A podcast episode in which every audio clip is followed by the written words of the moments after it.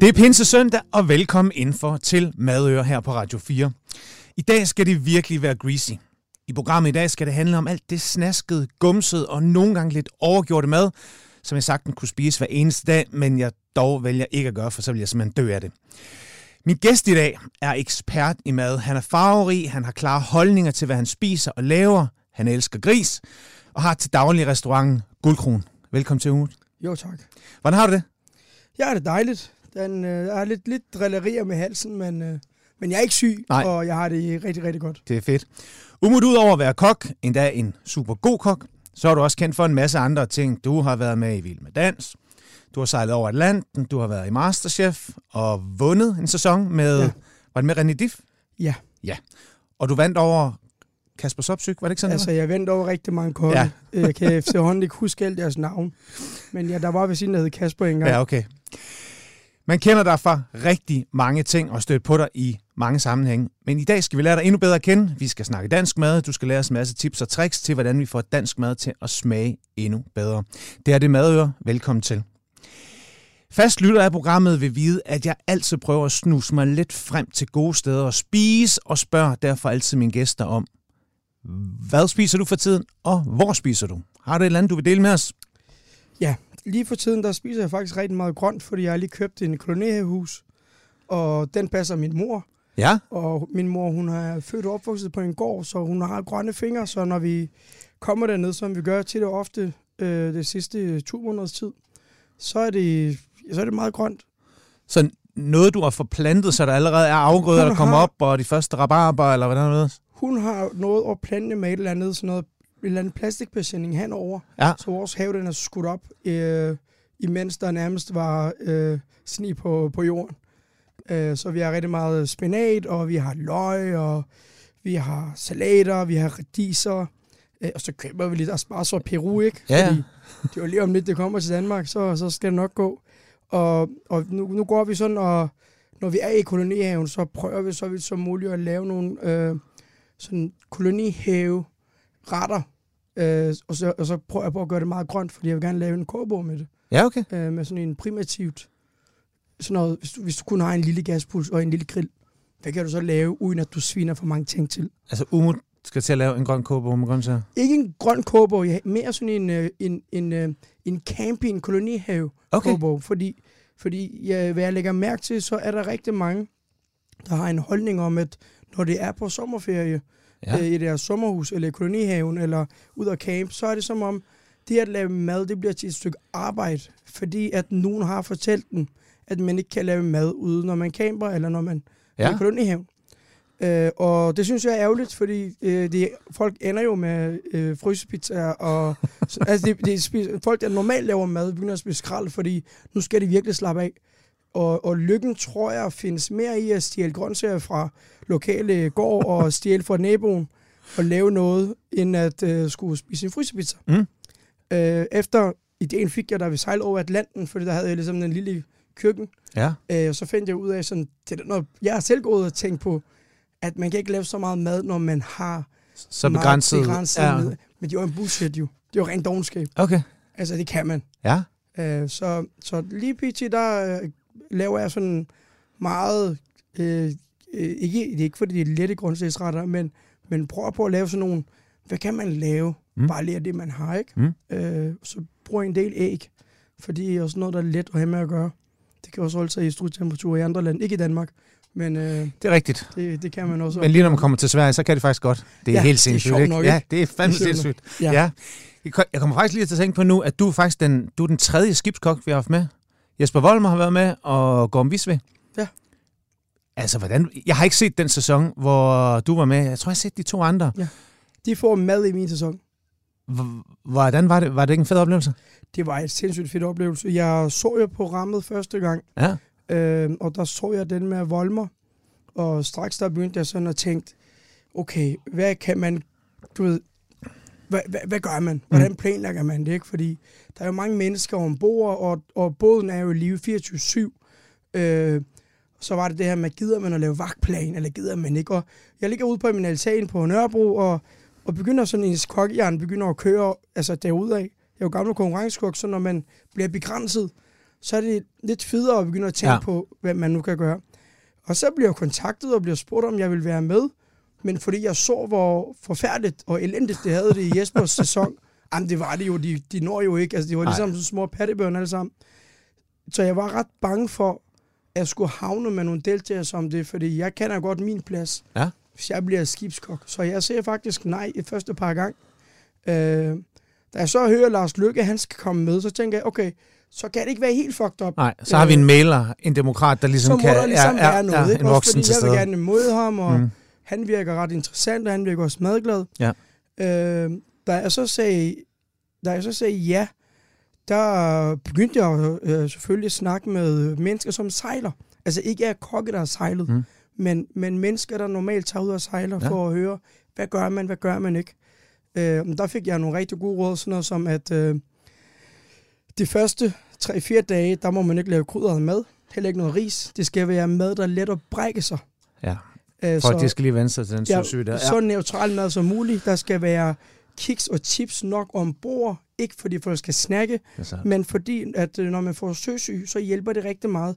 Og bare få noget kiks og chips. Det gør et eller andet åbenbart. Ja, Øh, og så sagde min, øh, jeg har en midterådgiver, som øh, har sejlet over Atlanten tre gange, både med familien og med venner og alt det. Han sagde, at øh, alt skal kunne spises fra en lille skål med en ske. Sådan så, at fordi du har ikke mulighed for at lige kunne sidde ned, fordi du aner ikke, hvornår båden begynder at vælte fra side til side. Ikke? Derfra så var det selvfølgelig øh, min egen idé om, hvad der kunne lade sig gøre. Øh, og jeg tog og pakkede alt mit grej ned fra mit egen køkken. Fordi jeg har prøvet det her med at tage til udlandet, hvor man skal lave en arrangement, mm. hvor du så ikke har dine egne redskaber med, og så tænker du, jamen jeg køber da bare nogle ting i Shanghai, det må der have en hel masse. Jeg vil sige, at vi har nogle helt andre standarder i Danmark for, hvad udstyr skal Ja. kunne. Og det vi køber til os selv er også, det er et professionelt værktøj, som du ikke bare lige får fat i udlandet.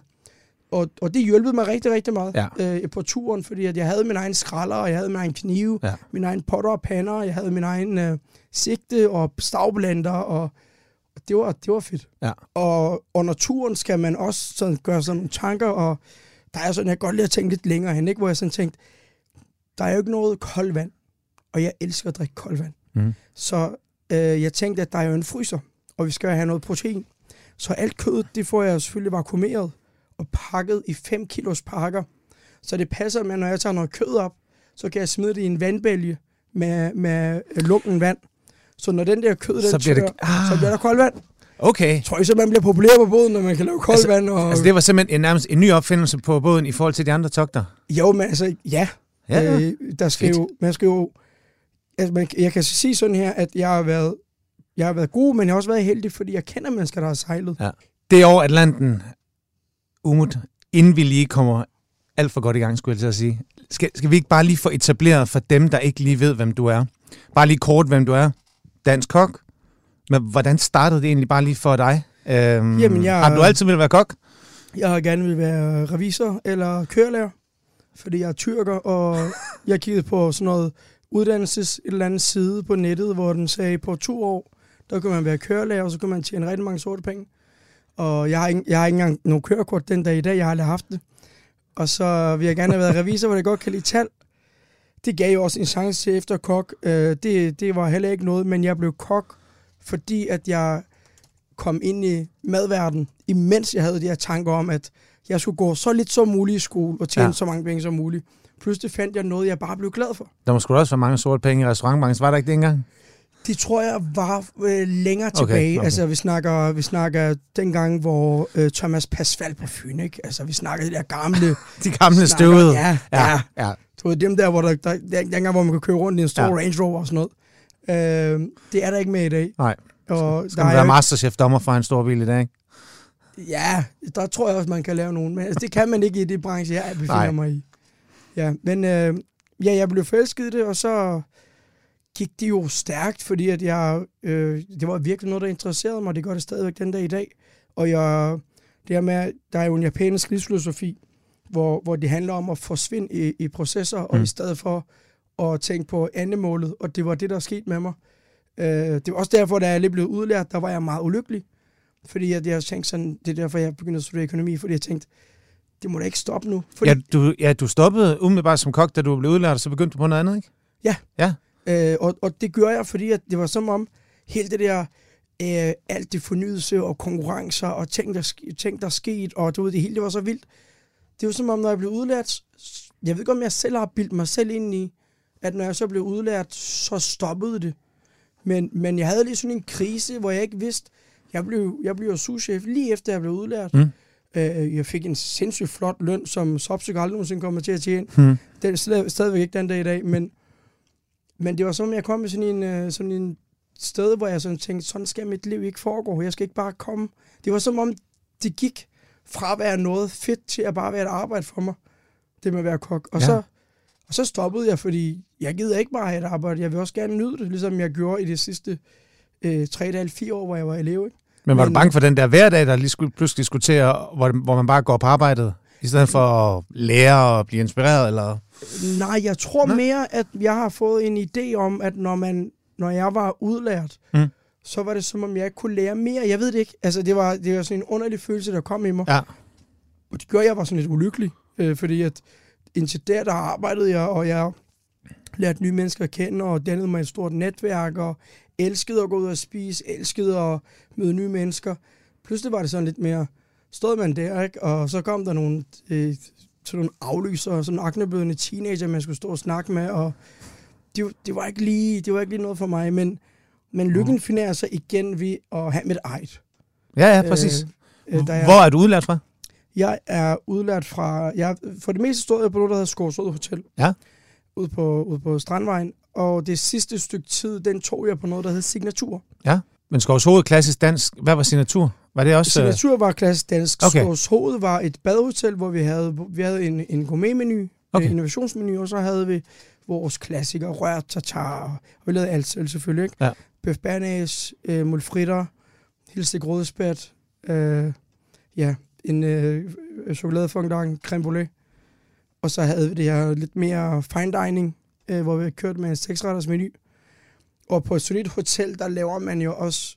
Øh, altså et hotel er en vild størrelse. Mm. Øh, med mindre man er til det, så skal man ikke være på et hotel. Jeg kunne godt lide det, fordi mm. jeg synes, det var fedt. Øh, der er jo alt på et hotel. Du laver fucking sandwich til et eller andet, der er lige døde til barnedåb. Så kommer der et eller andet, der vil imponere sin kæreste i loungen, som skal have noget kaviar, noget blines ja. til eller andet, der skal giftes op ovenpå, som betaler 3.000 kvarten for tre retters menu, og det skal bare have det dyreste det dyreste, ikke? Så det, det er sådan en, sådan en vild, vild sted at være, og der, bare, der sker bare meget på et hotel. Der er housekeeping, og der er receptionister, og der er tjener og kokke, og så har du lige pludselig den garter, der render rundt, og du ved. Så det var, en, det var en sjov tid, da jeg var i lærer. Men så lige pludselig skal der ske noget nyt. Ja. Og så åbner du dit eget. Var det sådan en klar strategi, eller var det noget, du, du bare vidste, du skulle? Jeg vil gerne åbne noget af mit. Det var derfor, at jeg skulle studere til lidt økonomi. Ja. Øh, problemet var så, at jeg, jeg tænker, ligesom mange andre mennesker tænker, at uddannelsessystemet øh, virker. Når man øh, laver en uddannelse, der hedder serviceøkonom, så tænker man, så må det handle noget om servicebranchen og noget økonomi. Mm. Og så gik jeg i gang med det. Øh, det handlede om alt andet end service og økonomi. Okay. Det handlede om... Øh, det, handlede, det, var, det var som om enhedslisten og Socialdemokraterne satte sig ned ved et bord og tænkte, hvordan laver vi noget, der bare lyder fedt, som vi kan noget. Ja. Øh, og jeg går til den her uddannelse. Okay, det var ikke, det var ikke ubetinget dårligt. Ah, der var okay. også nogle, man, man du også, noget. Man lærer så og en lille smule, ikke? Jo. Men, øh, men imens jeg gik der, der lavede jeg lidt... Øh, der begyndte jeg at arbejde som tjener. Og det gjorde jeg, fordi jeg, jeg også gerne vil have noget, noget front of house erfaring. Det havde jeg slet ikke. Og jeg, jeg var et bartender, pludselig blev jeg vært et sted. Øh, og jeg fandt ud af, at, at jeg kunne også øh, på gulvet. Mm. Jeg kunne også være tjener. Mm. Altså sådan, jeg solgte ret godt. På et tidspunkt blev jeg spurgt om, om jeg var homoseksuel af en af ejerne. Og jeg spurgte, hvorfor. Så sagde han, øh, han sagde, du er den, der sælger flest Dom til det der ældre mand. Så sagde jeg, Patrick, det ved jeg ikke, om jeg er homoseksuel, men som jeg klikker ret godt med mand. Ja. Øh, det tror jeg ikke, jeg er Jeg har ikke tjekket det endnu, men det tror jeg ikke, jeg er. Mm. Men imens jeg studerede det, så øh, er front of house, og jeg gemmer alle de penge, jeg tjener. Altså, jeg kører selskaber, jeg gør alt, hvad jeg kan for min, øh, min, øh, både min hverdag, men også weekender er fyldt op, fordi jeg ved, jeg skal, når jeg er færdig med det her skole, så skal jeg lave noget, så skal jeg arbejde så skal jeg have mit eget køkken. Mm. Jeg vil lave noget catering til at starte med, fordi jeg skal, jeg skal tjene nogle penge. Jeg har ikke nogen familie, der ligesom har nogle penge. Så jeg øh, kommer i skole en dag, hvor så at vi skal have en, øh, en lille foredrag af Jesper Rabeck. Øh, efter min mening, den, øh, den vildeste og den dygtigste mand for at skabe et koncept. Six and Sushi-koncepten, Mm-hmm. Som er det stærkeste, som er det vildeste koncept, vi nogensinde har, nok kommer til at få herhjemme. Øh, stadigvæk den dag i dag står knivskarpt med et, et vanvittigt højt bundniveau, ikke? Mm-hmm. Øh, han kommer på Mm. skolen, og når jeg er kok og går så meget op i det, når så en mand kommer, så sidder jeg selvfølgelig og bare sur det til mig. Han snakker og snakker om deres, hvordan de gør det ene og det andet, og jeg sidder bare og nikker og tænker, fuck, hvor er du bare genial, ikke? Øh, så sagde han så, at han sagde, han sagde, hvis der er noget, I gerne vil i det her liv, så siger han, så skal I lade være med at sidde her på en skole. Så sagde han, det er akademikere, sagde han, det er bare Ja. nogen, der sidder og prøver på at læse sig frem til, hvordan virkeligheden hænger sammen. Og jeg var, jeg, jeg må ærligt indrømme, at han havde sgu meget ret. Mm-hmm. Man var ved at blive sindssyg i det der skole. Ja. Øh, så, så jeg, han sagde, gå ud. Så sagde jeg, gå ud af døren, og så gå ud og gør det. Så jeg, fint. Så tog jeg min taske, og så gik jeg. Og så fik jeg min egen køkken. Ja. Jeg fandt en, øh, et, et plejehjem, der skulle have noget mad, øh, som sikrede mig, at, at jeg ligesom kunne have nogle penge til at starte med. Mhm. Og jeg fandt et køkken, jeg kunne lege. Jeg havde 90.000. Øh, 45 af dem, de gik til en bil. Og så betalte jeg 10.000 kroner til depositum. Og lavede aftale med ham, øh, udlejeren, og sagt, at, øh, at jeg betaler dobbelt husleje i næste måned. Fordi jeg, havde jeg ikke- har ikke nogen nej. penge. Jeg skal også have noget til råvaren, Ja, ja. fordi jeg plejer, at skal have noget med. ja. Og hvor mange kuverter kørte der? Altså? Øh, her kørte vi cirka 60 om dagen, okay. Men de er to gange om dagen. Skal både have smørbrød og kage, og så skal det have aftensmad og enten forret eller en dessert. Og det er hver dag, det er året rundt. Ja. De første øh, måned, der var jeg så bange for, at jeg ikke skulle have penge nok. Øh, fordi der var ikke nogen penge at hente fra nogen steder, og jeg er alt for stolt til at skulle spørge nogen om penge. Så jeg sad simpelthen, altså jeg lavede mad til plejehjemmet, og jeg kørte selskaber, for nu havde jeg også mit eget køkken. Nu skulle jeg ikke til at finde et køkken til at stå i. Øh, så kiggede jeg simpelthen på øh, supermarkedstilbud, hvor jeg kunne købe billige kartofler, billige mel, billige sukker. Fordi pengene var meget lidt. Altså, Ja. ja. sådan en plejehjem har ikke mange penge at gøre Nej, godt nej. med. Og jeg, jeg er også stolt kok. Jeg vil også gøre, lave noget ordentligt til den. Ja. Øh, og så fandt jeg ud af, okay, jeg, fandt ud af, at det var billigt at købe mel og sukker i Netto. Øh, det var billigt at købe grøntsager ud på grøntorvet. Øh, og på den måde, så begyndte jeg sådan at sige, okay, jeg tænkte sådan, jeg skal lægge en plan. Jeg kunne ikke, jeg kunne ikke leve på den måde på døgndrift. Nej. Øh, men, men det kunne jeg jo i cirka to år. Det vidste jeg godt, man lige kunne. Så, så der arbejdede jeg og, og, og tjente penge og lagde dem sammen. Ja. For ligesom, fordi jeg vidste godt, at, at det, at man laver mad til plejehjem, det er jo slet ikke tilfredsstillende nok i længden. Øh, men, øh, men med lidt selskaber, så kunne man lige holde det ud, ikke? Jo. Øh, og så, øh, de får penge. Altså, det, det plejehjem, det gav mig 200.000 inklusive moms. Og når jeg har betalt alt, så havde jeg cirka 50-60.000 om måneden, uden at jeg får noget løn. Mhm. Jeg fik heller ikke noget løn. Men det var også lige meget, fordi jeg levede jo af det, som plejehjemmet øh, fik. Og så havde jeg... En lille cold olmer her og der, og en lille... Ja, del ja, der. ja, altså, hvad fanden skulle man ellers gøre? Men det var også på den måde, at jeg så fandt ud af, at jeg ville lave noget inden for dansk madkultur. Ja. Fordi at det mad, jeg lavede, smagte jo pissegodt. Altså, dansk mad er jo godt. Ja. Øh, og så en dag så lavede jeg flæskesteg med det hele til det gamle, og de elskede flæskesteg med det hele. Det kan jeg også godt forstå. så Så det var den danske alderdom, der egentlig satte dig i gang, og den Ja, her ja, grundtanke ja. omkring dansk mad, og, Altså, og forfine det og gøre det, det endnu er bedre. alt dansk mad. Det der, øh, alle har set det der Ja. ja. gamle DSKB, og det er alt det der retter, jeg har lavet. Mhm. En dag så laver jeg flæskesteg med det hele, så gør der en steg. Og jeg elsker også en flæskesteg sandwich. Altså, fuck, jeg elsker det. Så laver jeg sådan en. Og øh, dengang, vi er tilbage i 2014-15 stykker, hvor Instagram er ikke helt stor dengang. Nej. Øh, og jeg smider så et, øh, et øh, billede af et flæskesteg sandwich op. Og indtil der, der lagde jeg jo kun billeder op af sådan gamle konkurrenceretter, og øh, når man var ude at spise og sådan noget. Jeg kan huske, at jeg fik over 400 likes, og dengang der var 400 likes, det var jo det var, use- det var vanvittigt. Og jeg kunne ikke forstå, hvorfor min torsk tilberedt ved 52 grader med falsk jord og røget creme, den ikke fik ligesom Nej. men, men den fleste sandwich, den var jo det var meget interessant, ikke? Øh, Og så Den- åbner I, hvad hed den første? den første restaurant, jeg åbnede, den hed jo Grisen. Ja, det var grisen. Yes. Det var der, det var der Ja. hvor jeg, øh, jeg ville Masterchef med René. Ja, Og så tænker jeg, at jeg skal lave noget. Og, og der var jeg sådan lidt, det her med flæskestegsbilleder, det her Masterchef, men hvor kendt rammer- ansigt var du egentlig der? Undskyld, jeg lige afbryder. I for, altså, da du stillede op i Masterchef, i dag ved alle jo næsten, hvem du Ja, er. dengang, Masterchef er det første tilprogram, jeg har været med i. Okay, I branchen var der masser, der kendte mig, fordi ja. Jeg var volontør mange steder, og jeg har været oppe og vinde nogle altså rigtig konkurrencer. Ja. Så derfor var der nogen, der vidste, hvem jeg var. Men vidste du allerede dengang, at du kommer til at, eller jeg kommer til at bruge mig selv meget for at lykkes med alt det, jeg skal lave? Altså- Overhovedet ikke. Overhovedet ikke. Så, så, du, så okay. Fordi jeg tænkte nemlig ud fra det, du sagde før, hvis du er god front of house, Mm. du kunne sælge, folk kunne lide dig, du bliver spurgt til Masterchef, at du allerede der tænker, fordi du er jo en, du er jo en snu gut også, og Den det kom, her med, den kom at meget du, naturligt. okay, Den kom i takt med, altså, øh, grunden til, at jeg bliver spurgt ind til Masterchef, det er jo også fordi, at øh, imens jeg er kokkeelev, der er jeg ude og lave, altså, der var måneder, hvor jeg arbejdede 21 dage i træk. Ikke bare på min eget sted, men også så var jeg ude og køre velgørenhed med folk. Øh, du ved, jeg, var bare, jeg var bare sulten mm. på at lære og se noget nyt. Og på det tidspunkt, der møder jeg så Nikolaj Tram. Og Nikolaj, han øh, er jo sådan en meget spøjs og sjov mand, som jeg virkelig godt kan lide. Stadigvæk en af mine gode venner. Og så er han sådan lidt fuck, når han ringer til hende, så siger han altid, jeg skal sige dig noget, men du må ikke sige det til nogen. Så Ja. du kender også ja, Nikolaj. ja, ja. Og det er sådan, han er. han, han har også været.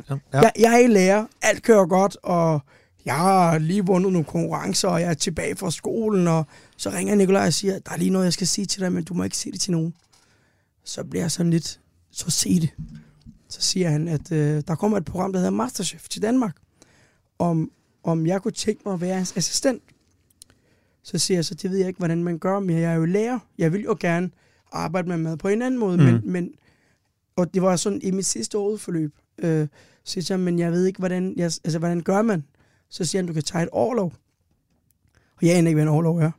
Det fandt jeg så ud af, at man kunne, så jeg snakker med mit arbejdsplads, og vi aftaler, hvordan og hvorledes ting skulle foregå. Mm. Så jeg tager et overlov og får lov til at lave Masterchef. Og på daværende tidspunkt, der får jeg så at vide, i det første sæson, det er der, hvor Tim han vinder, Mm. mm. Tim Lamia, der får jeg at vide, at, øh, at det er det største, absolut det største øh, ja. TV, TV-mennesker, der lavede det. Mm. Øh, og det er det, det kan jeg så bekræfte i dag. Hver gang jeg er ude og lave noget, så er det dem, der sidder i bestyrelser. Øh, så på den måde, så kom jeg sådan lidt ind i tv-branchen. Mm. Øh, og imens vi lavede Masterchef, der lavede vi et par dummies til nogle programmer, hvor jeg så skulle stå for en kamera. Der får jeg så at vide, sådan, du er ikke helt dum for en kamera. Og det, jeg, for mig var det meget naturligt. Mm. Altså, jeg kiggede ikke ind i kameraet og, og rystede. Det var bare sådan, det, den var der bare. Ja. Øh, så det er derfor, jeg bliver efterfølgende spurgt, om jeg vil være med i Masterchef. Jeg har ikke, jeg har ikke selv sådan skulle øh, presse mig Nej, ind nej, et sted. nej. Det kom sådan meget Ja. naturligt den del af med, med tv. Ligesom øh, Tyrkersvin, der bliver lavet efter Masterchef på DR. Den kommer også af, at der er øh, en, en sød kvinde fra Masterchef, som kom ind og sagde, Umut, nu skal du introduceres i Danmark. Mm.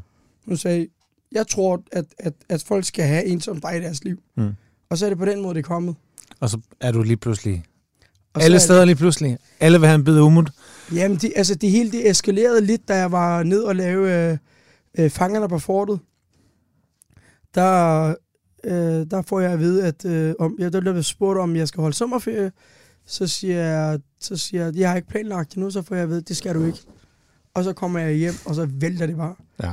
Og, og jeg var også, lad mig sige det sådan, når man, når man går i gang med at lave det, være lidt på tv, så er det jo, det er jo sjovt. På et tidspunkt, når man begynder at lave meget, øh, Det heldigvis lidt har arbejde. jeg haft det her rådgiver og sådan noget, så skal man også passe på, Mm. at det ikke bliver for meget. Ja. Øh, ligesom lige nu, der er jeg aktuelt med tre programmer på TV2. Det er ikke, fordi det skulle være sådan, men Som efter det bare. corona vælter det Ja. sammen på den Ja. måde. Ikke? Så man skal også passe på, at det ikke bliver sådan for, det ikke bliver for vildt Ja. øh, med at hele tiden være på. For du har også en restaurant, der skal passes. Jeg har en restaurant, der skal passes. Guldkronen. Jeg har en, øh, og guldkron og guldgrillen, ikke? Vi har lige øh, haft, sjovt nok, vi har haft rigtig gode regnskaber i sidste år under corona. Ja. Ja. ja. det var meget fedt. Og du var netop en stemme under ja. Ja. corona i forhold ja. Ja. til, øh, til vores let svært, det er at drive restaurant, når Ja. der ikke er nogen gæster, og man ikke må gå ud. Ja. Men I, I er klar er, igen, er og helt skinnet igen, Ja. og øh, vi havde selvfølgelig lidt øh, underskud af, under corona. Hmm. Den betalte vi i forgårs, mm-hmm. så vi er helt kvitterfrit. du skylder ikke staten noget. Nej, Nej. Du hvad, det er, det er fantastisk. Øh, og øh, jeg, jeg vil sige sådan, at at, at komme over et, et øh, krise, der har været i Europa, Mm. mm. som er det største efter 2. verdenskrig, Mm. mm. øh, i min alder, og med, med de ting, jeg har gjort, det, det gør, at man øh, sætter sig lidt stærkere på en stol. Øh, altså, der var en marts måned i anden, øh, anden nedlukning, Mm. hvor vi solgte tarteletter. Der var det sådan, at hvis ikke vi havde solgt nok tarteletter, så kunne vi ikke betale husleje. Jeg havde ikke flere penge tilbage på min egen privat konto. Altså alt, hvad jeg fik af tv, og helt lortet, alt var gået ind, i- ind i et hul, ikke? Fordi som, altså, som øh, for folk, der er restauratør godt ved, som mange andre ikke ved, så er der rigtig mange udgifter. Mm. Øh, og hvis man skal stå og være en held, og skal passe på sine medarbejdere, og passe på sine leverandører, og alle ligesom skal have, øh, så har det nogle konsekvenser. Ja. Og det gjorde, at jeg ikke fik løn i næsten et år, og, og alle mine egne penge, de er ligesom bare for, det gik fandme stærkt. Altså det var sådan, i januar måned, der overfører jeg 300.000, og det, det er nogle penge, jeg får fra tv, som jeg, jeg, jeg låser direkte over i forretning. Der gik 14 dage, Så er de væk. så var det væk. og de, det, det er jo, altså, man, man, man, det er fedt at stå tilbage nu. Ja. Og, og, Og har overlevet. Jeg har overlevet og, og brugt tiden på at se, hvordan tingene, øh, altså gå i detaljen med det, man laver. Ikke? Øh, få nogle andre idéer til, hvordan kan vi vækste, uden at skulle åbne et nyt sted? Ja. Hvordan kan vi forbedre os? Øh, hvordan, kan vi, hvordan er vores arbejdskultur? Begynder at kigge på nogle ting, i stedet for, og øh, selvfølgelig øh, var, var man rasen. Øh, det var vi alle sammen. Ja. Men, men der var også lige, hvis man skal kigge på den positive side, så gav det ligesom tid til at gå ind og kigge på ens regnskaber, og kigge på øh, personale, gå ind og kigge på, om har vi brug for, at vi skal få vasket vores tøj i andet Ja. For lige trimmet det hele, og lige for... Fuldstændig. Wow. Og det, øh, det, det gav et res- resultat. Der godt, I klarede den. Godt i ovenvande. Øvrigt, det her det er madøre, for jeg der lige er startet. Jeg har umut i studiet, og nu skal det handle om mad. Ja. Guldkron er jo et, hvad kan man sige, gastronomisk tempel for den gode smag for dansk mad. Ja. Der kan man komme ind og få vin og snitsel, som skal laves, stegt flæsk, der er Rejcocktail, rejecocktail, tarteletter, og så videre, og så videre. Og udover det, så øh, har du også taget det ansvar på sig, som jeg synes, der er rigtig mange, der burde netop at lære fra sig. Du har nogle YouTube-kanaler, hvor man får en bid af umut, men man lærer sgu også noget. Mm. Øh, jeg har to, jeg sådan følger fast. Det er dig, og så James Prise, ja. Som jeg også bare synes Han er... er med mig også hyggelig. Jeg elsker Ja, selvfølgelig. Ja, det er han, og, øh, og han kan lave mad. ja for. Kæmpe madører, man går tilbage og lyt. Jeg har James i studiet også. Så, øh, men skal vi ikke snakke noget mad? Jo, lad os gøre det. og gerne se, om vi kan give lytteren en lille smule inspiration. Så jeg har sådan udvalgt tre af de retter, som jeg sådan, eller hvad kan man sige, områder, som jeg synes, du er god til. Ja. Og øh, det er jo jul lige om lidt. Og øh, hvis der er noget, danskerne de glemmer, så glemmer de jo basale færdigheder, når vi går ind i december. Ja. Så lige pludselig skal man google alt. Man har glemt, hvordan man laver en flæskesteg og alt det her. Og selvom det ikke er flæskesteg nu, og vi snart skriver sommer og sidder, men flæskesteg sandwich, det kan man godt lige vride afsted her. Så kan du ikke lige bare lige, øh, hvordan laver man den perfekte steg og flæskesteg sandwich? Og du må virkelig godt bryde det ned. Vi skal Ja, have tak. alle tips og tricks. Ja, tak. Altså til at starte med, så vil jeg anbefale, at I køber en god steg, og her der er vi ude i en ribbensteg. Det er jeg selv personligt vild med. Mm. Jeg synes, Der er lidt mere fedt på, ikke? Der er mere fedt på, der er mere kollagen på, der er mere saft og kraft, og så er sværen øh, lidt øh, tyndere, men lidt sådan mere crunchy på en Okay. lækker måde på en, på en ribbensteg. Hvis du kigger på det asiatiske land, så tager man jo tit og ofte, i Kina spiser det også meget svin, hvis ikke man ved det, så tager man mere svin, hakker lortet til hakkekød, og spiser det der fedtet, for det er der, det smagen den sidder. Ja. Og grund til en flæskesteg sandwich, den ligesom har rødkål og solide agurker og noget syrlig mayo. Det er jo simpelthen, fordi vi skal have noget, vi skal have noget fedtet kød. Flæskesteg, det er jo en fælles betegnelse for steg fra svinet. Mm. Så når der står en flæskesteg, så kan, det, så kan du lave det med nakkekam. Du kan det, i princippet kan du komme, hvad fanden du har lyst til i. Øh, Men mit, mit favorit, det er ribbensteg, og grund til, at jeg også kan lide ribbensteg, det er fordi, at der er så meget saft og kraft i den. Mhm. Så når vi steger den, så får vi også en rigtig god stegsky til at lave en sovs af. Mm. Øh, Og men det kan vi godt lide. jeg vil anbefale, hvis man kan komme til det, at øh, man køber øh, flæsk, øh, rib- ribbensteg, der er øh, gammeldagsmodnet. Det kan man købe i supermarkedet nogle gange. Eller gå ind til en rigtig slagter og, og købe det. Og hvad er en gammeldags modning? Er det sådan, er Jamen det er der, hvor, hvor stegen lige bliver hængt på en krog. Okay, Så nå. den, lige, Ja. så den lige får lov til at, at tørre lidt ind, og kødet bliver sådan lidt mere kompakt. Og øh, det, der sker, det er, at en, en kødcelle er jo ligesom en bold med noget væske indeni. Jo længere tid den, den ligger der, øh, jo, jo mere er det kødvæske, der sådan fisser lidt af. Og så har vi nogle enzymer, der går ind og nedbryder kollagen, så det bliver også mere mørt. Mm. Det er der, hvor kødet begynder at få sådan kød, nødagtige, ja. dybere smag og aromaer, ikke? Øh, alt det her kan, en der ikke er meget med interesseret, lyde lidt nørdet, men, men det er det, man lader længes efter. Det er det, vi har gjort i hele historien. Mere umami, mere det her nødagtige, lækre noter, ikke? Mm. Øh, vores steg, den, øh, vi tager og hælder noget vand. Lad os nu antage, at vi har en steg på halvanden to kilo. Det er det mest normale supermarkeder. Så har vi en ildfast fad. Så kommer vi kogende vand ned i øh, på bunden af, af, Mhm. mm-hmm. af vores ildfast fad, sådan så den dækker vores sværs nederste øh, Okay, så vi vender stegen om, så de Ja. er okay. Så Mm. det dækker, Mhm. mm. og så kommer vi lavbær, sort peber, salt ned i væsken. Øh, fordi det med at stikke den på kødet, det hjælper ikke helt meget. Det er meget flot på Instagram. Ja. Igen, øh, når vi så smider vores steg ind, så skal den have to- 200 grader i 20 minutter. Når vi tager den ud og vender den, hvis man gerne vil have det her lavbærblad ovenpå, eller en nedker, så kan man også gøre det øh, for Instagrams skyld, for det ser meget hyggeligt ud. Ja. Øh, Men det giver ikke så meget. Men det gør ikke så meget, Nej. for det, det brænder jo bare ud. Ja.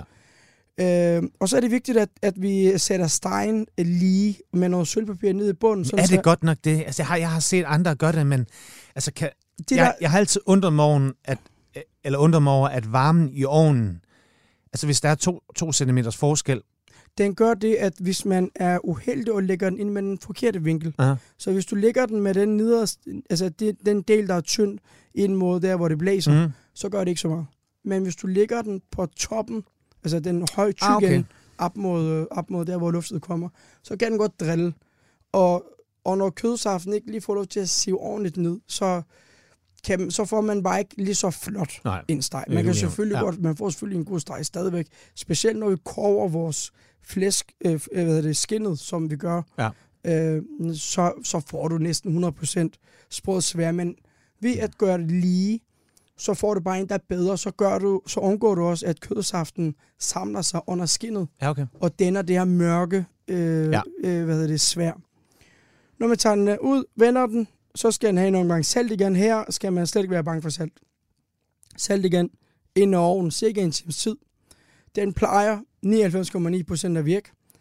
Øh, er en svær ikke blevet øh, sprød nok, så kan man gøre det. Jeg fraråder at grill, Ja. fordi grillfunktionen er lige hård nok Ja, okay. øh, til det ofte så brænder det. Så derfor, så ikke grill det, tager din steg ud af ovnen, skru op for alt, hvad den kan, og så når den er varm nok, øh, så skal den ind igen, og så ligge i den 10 minutter, og så skal den nok være der. Hvis det er, at, at, øh, at I er ude og stege en kamsteg, øh, der er det selvfølgelig lidt mere... En, en ribbensteg kan man ikke rigtig øh, stege tør. Nej. Der skal man virkelig gøre så umage, ikke? Øh, hvis, hvis det er en kampsteg, man har med at gøre, så tag den ud og lad den lige øh, køle en lille smule mm-hmm. ned, Mhm. så tag sværen af, og så giv den høj varme, okay. sådan så vores kød, der er så mere, ikke bliver udsat for Præcis. Og det kan man sagtens, når det er en sandwich, som vi laver her, ikke? Sagtens, sagtens. Okay. Altså, det bliver ikke lige så pænt på Instagram, men det skal nok gå. Øh, og så har vi vores rødkål. Øh, vi gør det på guldgrillen, at vi koger rødkål på, øh, på læredike, og så kommer vi øh, ribenersaft, og så kommer vi kinesisk øh, five spice, Ja. som også er ligesom honningkage krydderi. Ja, ja. Øh, den gør det, at vi får nogle varme øh, dufte. Øh, grund til, at det også sådan dufter lidt julet, det er jo fordi, vi i gamle dage i Danmark ikke havde så mange penge, så krydderierne, dem måtte man gemme til det her Særlig højtider, højtider. ja, ja. når det skulle være Ja. rigtig fint. Øh, det er også sådan en lille hilsen til, at, at den skal selvfølgelig have noget aroma, noget duft. Ja. Øh, rødkål må ikke være alt for syrlig, heller ikke alt for sødt. Rødkål er noget, man kan lave øh, en stor portion af, øh, og så kan den faktisk holde sig i evigheder på køl. Ja. Øh, og øh, når man laver det, så kommer en lille smule vand i, og lader den koge rigeligt. Øh, man kan selvfølgelig, altså det, det kommer helt an på, hvad man er til. Jeg kan godt lide dem, når det er sådan en centimeter tykke skriver, der er kogt. Ja, Der er nogen, der kan lide det helt tyndt. ja. Øh, der er også nogen, der spiser det råt. Jeg Det kan bare for fnullet, ikke? jeg, skal- jeg kan godt lide, når der, når der er noget tekstur i den. Ja. Øh, det synes godt, jeg er ja. lækkert. Syltede agurker. Det er en, øh, en mormorlag. En del øh, sukker, en del vand, en del øh, eddike. Og så kommer vi sennepsfrø, dildspidser, laurbærblad, sort peber. Og det skal man skulle lave selv, ikke også? For det er sgu så let. Det er verdens letteste ting. Ja. Og det, igen, det holder sig i Ja. evigheder. Og en rigtig Og- sommerspise, ikke? Der både det er- kører til... Altså, det er en, det er en god penisforlænger, når det er, Mm, at øh, du serverer hjemmelavet. Fordi vi kommer også peberrød i vores, som giver en lille skarphed. okay. Og Revet eller bare et helt stykke? øh, Lige en, øh, øh, Vi skærer dem i små skiver, ja, så kommer det bare ikke i, i flæskesteg Men en hjemmelavet rødkål med sådan øh, five spice og, og øh, syltet agurker med peberrød og lidt dildspids og sådan noget. mm, Du kan ikke købe det. Altså, havde der været et produkt, for eksempel vores boller, dem køber vi Ja. lige nu. Før har vi bagt dem selv. Det gør vi, fordi vi har fundet en producent, der laver økologisk kartoffelbons, der er bare, altså, smager sindssygt godt. Vi, har, vi får dem så med, se- med sesam på, mm. fordi vi er en gammel grillbar. Øh, men det er et sindssygt godt produkt. Havde jeg kunne købe noget andet af det, så havde jeg gjort det. Ja. Altså, hvis jeg vidste, at det var... Det, Ja. Så det er jo ligesom, at jeg får nogen til Ja. at producere det for en. Men burgerboller er virkelig et godt eksempel. Jeg kan ikke huske, hvad det var for en gæst, jeg havde, hvor vi netop talte om det. Hvorfor det, hvorfor det har taget så mange år. Ja.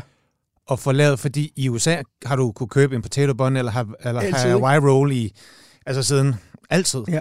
Det er stadigvæk, det er stadigvæk langt flere brødsorter typer af de med hvidt brød. Jeg tror, det handler om vores brødkultur. Ja, men de At der vi påskebrød, der var fandme Ja, så tørre, ikke? men- Og du men kan det jo ikke... Og, Ja, men det kan jeg godt fortælle dig, hvorfor den udvikling aldrig kom. Det var fordi, at, at vi i Danmark er jo ramt, eller har været ramt af et vildt krise selv slut 80'erne med antibiotika, med vores egen svin.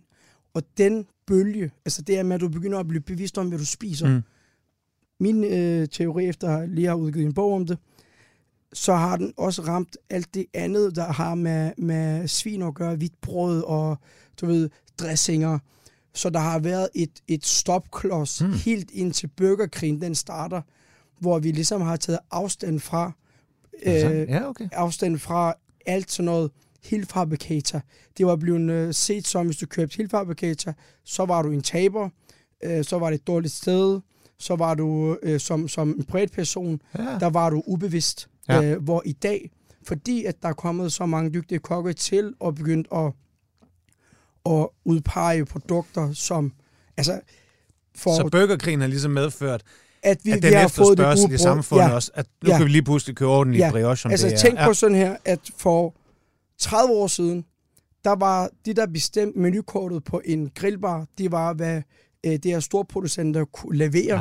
Ja, I dag, der peger jeg på en udskæring for en gris, der bliver født og opvokset på en gård, uden antibiotika, hvor jeg siger, det skal jeg bruge på den her måde. Så den, den fremskridt ligesom har vi også fået i brød. Interessant. Ja. Nå, Men en, ja, en god briochebolle. en god briochebolle, det kan man købe. Ja. Øh, lad være med at købe, øh, lad være med at købe noget med fibre. Øh, Mm. Vær venlig, og lad Ja. være med at købe noget med fibre. Det her brød med fibre, altså jeg elsker rugbrød og sådan noget, men når man skal have en, en flæskesteg sandwich, så fucking spise en flæskesteg sandwich. Hvis man Det er det gerne vil have pasta, noget, ikke?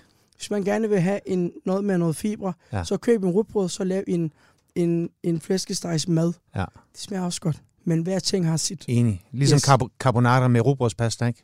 Ja, det Det går er ikke. sgu heller ikke det, Det samme. ikke. Nej. Nå. Det går ikke. Og så skal jeg have noget mayonnaise. Ja. Og her er der så to ting. Der er også noget, der spiser det med remoulade. Der er også noget, der spiser det med bernæs. Man kan gøre, hvad man har lyst til. Den klassisk, der øh, synes jeg, en, øh, en sennepsmayonnaise klæder den rigtig flot. En, øh, øh, vi laver en ganske almindelig mayonnaise, der kommer lidt mere dijon i. Den må ikke være overdøvende. Nej. Den må godt lige have den der snært en skar- skarphed i. Så når vi bider i sådan en, så tænker vi, Og det gør jeg nu nærmest. Altså mit mundvand. Jeg, jamen det gør jeg, vi jeg håber lige om lidt, så, så tager Ja. du den, den store kasse frem, og så er der bare Så er der bare flæskestegsvand. Når du så bider i sådan en her, så har du... Øh, og så forresten, denne briochebolle må meget gerne være ristet en lille smule. Når du bider i den, så har du det her karamelliserede noter af din brød med smør, Mm. brun smør og du ved, det er lækre ting. Så har den cremet, let syrlig, lidt, lidt skarp øh, sennepsmayonnaise. Du har den helt knasende sprøde, sød og syrlig, øh, en lille smule anisduftende øh, agurksalat med en lille smule peberrød. Ja, så. Og så har du din fedtet, saftig og sprødstik, sådan saltet øh, ribbensteg. Jamen, det smager bare godt. Jo. Og ved du hvad? Ja, som sagt, lav det selv, prøv det, og hvis der er et eller andet, som, øh, som I lige har glemt, så er der som sagt super gode YouTube-videoer, hvor du også gennemgår det hele, både stejningen og bollerne og mig og det hele og det hele. Men, men det er Så- ikke svært at lave Nej. det, og det er, og så vil jeg lige sige, det kan være, det kan laves til en familieprojekt, fordi mm. at mange af tingene kan man lave et par dage inden. Så, så hvis man gerne vil have en, øh, en virkelig doven søndag, så kan mm. man lave tingene op til. Præcis. Og så køb nogle boller og steg et svin. Og så, Så lav det altså- i morgen. Vi har fri i morgen. Så øh, kan man finde en eller anden sted, der er åben og lige forhandlet det basic ind, jamen så skulle der bare kaste over en flæskestegsandwich. Fedt, mand. Hermed givet videre. Vi bliver i råvarernes land for alle mine gæster. De bliver pænt bedt om, om de ikke vil tage en råvare med, der betyder noget for dem. Noget, de bliver inspireret af, noget, de ikke kan leve uden. Hvad har vi været igennem? Der har været ja, Jacob Denegård, glemte jo kaviaren. Kasper Sopsyk, din main enemy.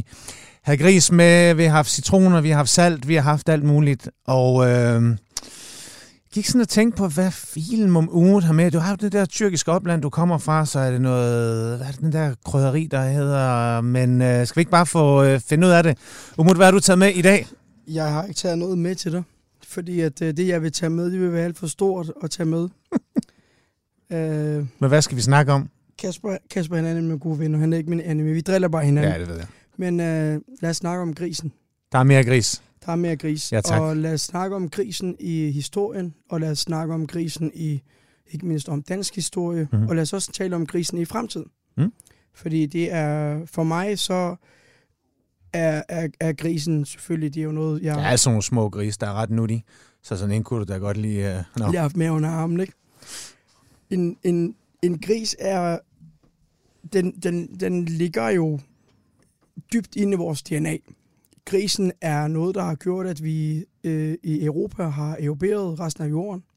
Grisen har gjort det, at vi har lavet lovgivninger omkring, hvordan dyr skulle passes. Mm-hmm. Øh, gris har også gjort, at vi har tjent rigtig mange penge. Gris har gjort, at vi har fået nogle nye madvaner, som vi skulle bare have, fordi at vi havde rigtig meget restprodukter. Øh, gris har også gjort, at vi er kommet i shitstorm. Og gris gør også nu i dag, at vi prøver at finde os selv i, i det store verdenskortet med de, vi producerer. Mm-hmm. Øh, hvis vi kigger helt tilbage med grisens historie, så har svinet været et, et, et, et meget øh, øh, god dyr at have med til krig, for eksempel.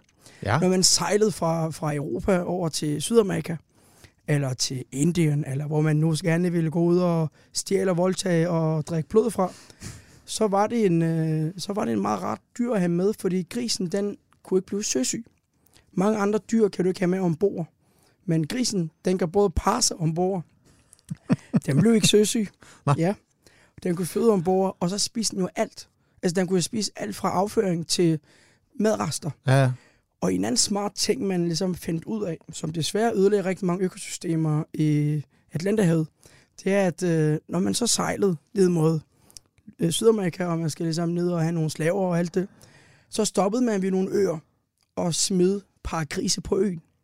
For sådan nogle evalueringsture der, de tog jo mange måneder.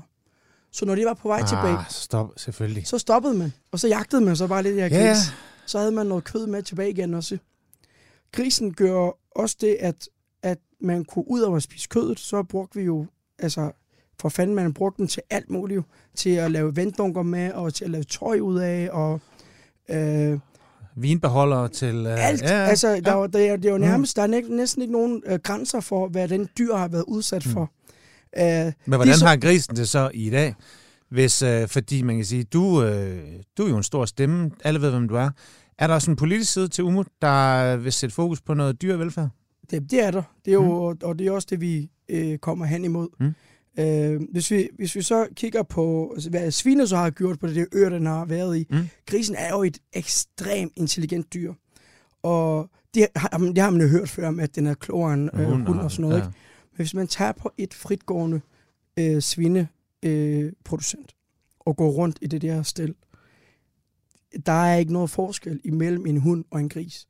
Det er jo sindssygt, hvordan den dyr, hvordan den er nysgerrig, hvordan den kommer ved lege. Altså, du kan jo, det er lige før, du kan, altså det kan man nok godt lege den tips og trick. Den har en familie. Den kan gruppere sig i det her eksotiske øre, hvor man har smidt den. Der har den jo udryddet alle andre dyr, fordi at gris er så intelligent, og det der lortedyr, som aldrig er blevet troet af andet end et eller andet ørn, ikke? Det har jo slet ikke. Og, altså, vi har jo med at gøre med Ja. en, en, en klog dyr. Samtidig så kan vi jo heller ikke lide svinet, ikke? Fordi når, når vi møder nogen, der øh, øh, er nogle idioter, så kalder vi dem et fucking svin. Øh, og, og i litteraturen, der bruger vi den også, når vi er en lille sødt barn, kalder vi en lille gris. Det er jo, det hele det kommer jo af, at, at mm. En gang, hvor, hvor vi ikke havde særlig mange penge, og vi så kun havde vores køkkenaffald, og vi havde lidt kartofler ude i baghaven og lidt kål, dengang, hvor vi lavede meget bæredygtigt og meget fattigt, jamen, der havde vi jo den her øh, familiens gris, der skulle brødfodre familien i- igennem i hårde vinter. Mm. Og hvis den her fucking svin, den død Sygdom, så var den ikke længere en sød gris, så var den bare et fucking svin, Ja. ja. ikke? Jo. Eller hvis dens øh, lever havde noget sygdom, så var vi bare sure på den, Ja. fordi vi kunne jo have levet i nogle måneder i gamle dage, handlede det jo om overlevelse. Og der var svinet jo et, et hårdført dyr, Mm. og den gav os rigtig, rigtig meget fedt. For heroppe i Norden, der havde vi brug for fedt. Klart. Øh, det var det eneste måde, vi kunne overleve det hårde vinterperiode på. Indtil vi så rammer øh, der, hvor øh, vi begynder at sælge vores bacon. Og der, hvor vi begynder at importere øh, vores svin, og vi begynder at dænde vores øh, øh, slagterier, der begynder at blive så dygtige på svineproduktion i volume, Ja. øh, hvor, hvor vi så ikke rigtig tænker over kvaliteten i det. Vi tænker ikke rigtig over dyrevelfærd. Øh, man kan altid sige, at dengang var det i en anden tid, men øh, dengang var der jo skovgris i Danmark. Dengang var der stadigvæk sortfodssvin ned i Sydeuropa. Og vi er ikke tilbage i den gang, hvor vi ikke snakkede med spanierne, hvor vi ikke snakkede med franskmændene, øh, der vi lavede alt det her ting. Mm. Så vi vælger simpelthen at lave et, et masseproduktion af det her dyr. Vi vælger simpelthen at lave et masseproduktion af det her dyr, som, som gør, at når vi så... Altså, det hele er noget produktion. Det er derfor, ja. vi giver det så meget medicin. Ja. Da vi så rammer 80'erne, og folk begynder også sådan lidt at sige, der er et eller andet rådent her. Fordi det er også der, hvor, hvor igen 60'erne op til 80'erne har vi haft kemikaliernes år, ikke? Det var så magi. Klar. Det var som om, at nogen kom med en tryllestav og sagde, nu må der ikke være flere insekter på min mark. Bang! Så havde du rigtig meget fodvarer. Men hvad er løsningen så? Fordi som vi, som mange siger, hvis vi flytter svineproduktionen, som skal være effektiv og hurtig, den skal være billig, vi vil ikke give noget for råvarer. Det er jo sådan en dansk mentalitet, det skal være billigt, billigt, billigt. Ikke? Øh, vi er blevet vant til den der smag af noget, der ikke rigtig smager noget. Det mm. Mm. der. Så hvordan vender vi den der skud der? Altså, Tre jeg, gode, har, du, har du tre hurtige? jeg, har, Tre gode bud? jeg har tre hurtige gode bud. Det Sådan, er, så løser vi lige det. Det første, det er, at vi får mennesker til at forstå, at kød ikke er noget, man spiser hver dag. Ja. Og når man spiser kød, så spiser man det med omhu. Ja. Så, altså, det skal ikke være muligt at kunne købe flæskesteg til 4 kroner kiloet. Det er nummer et. Mindre bedre. Ja. Mindre bedre. Mm.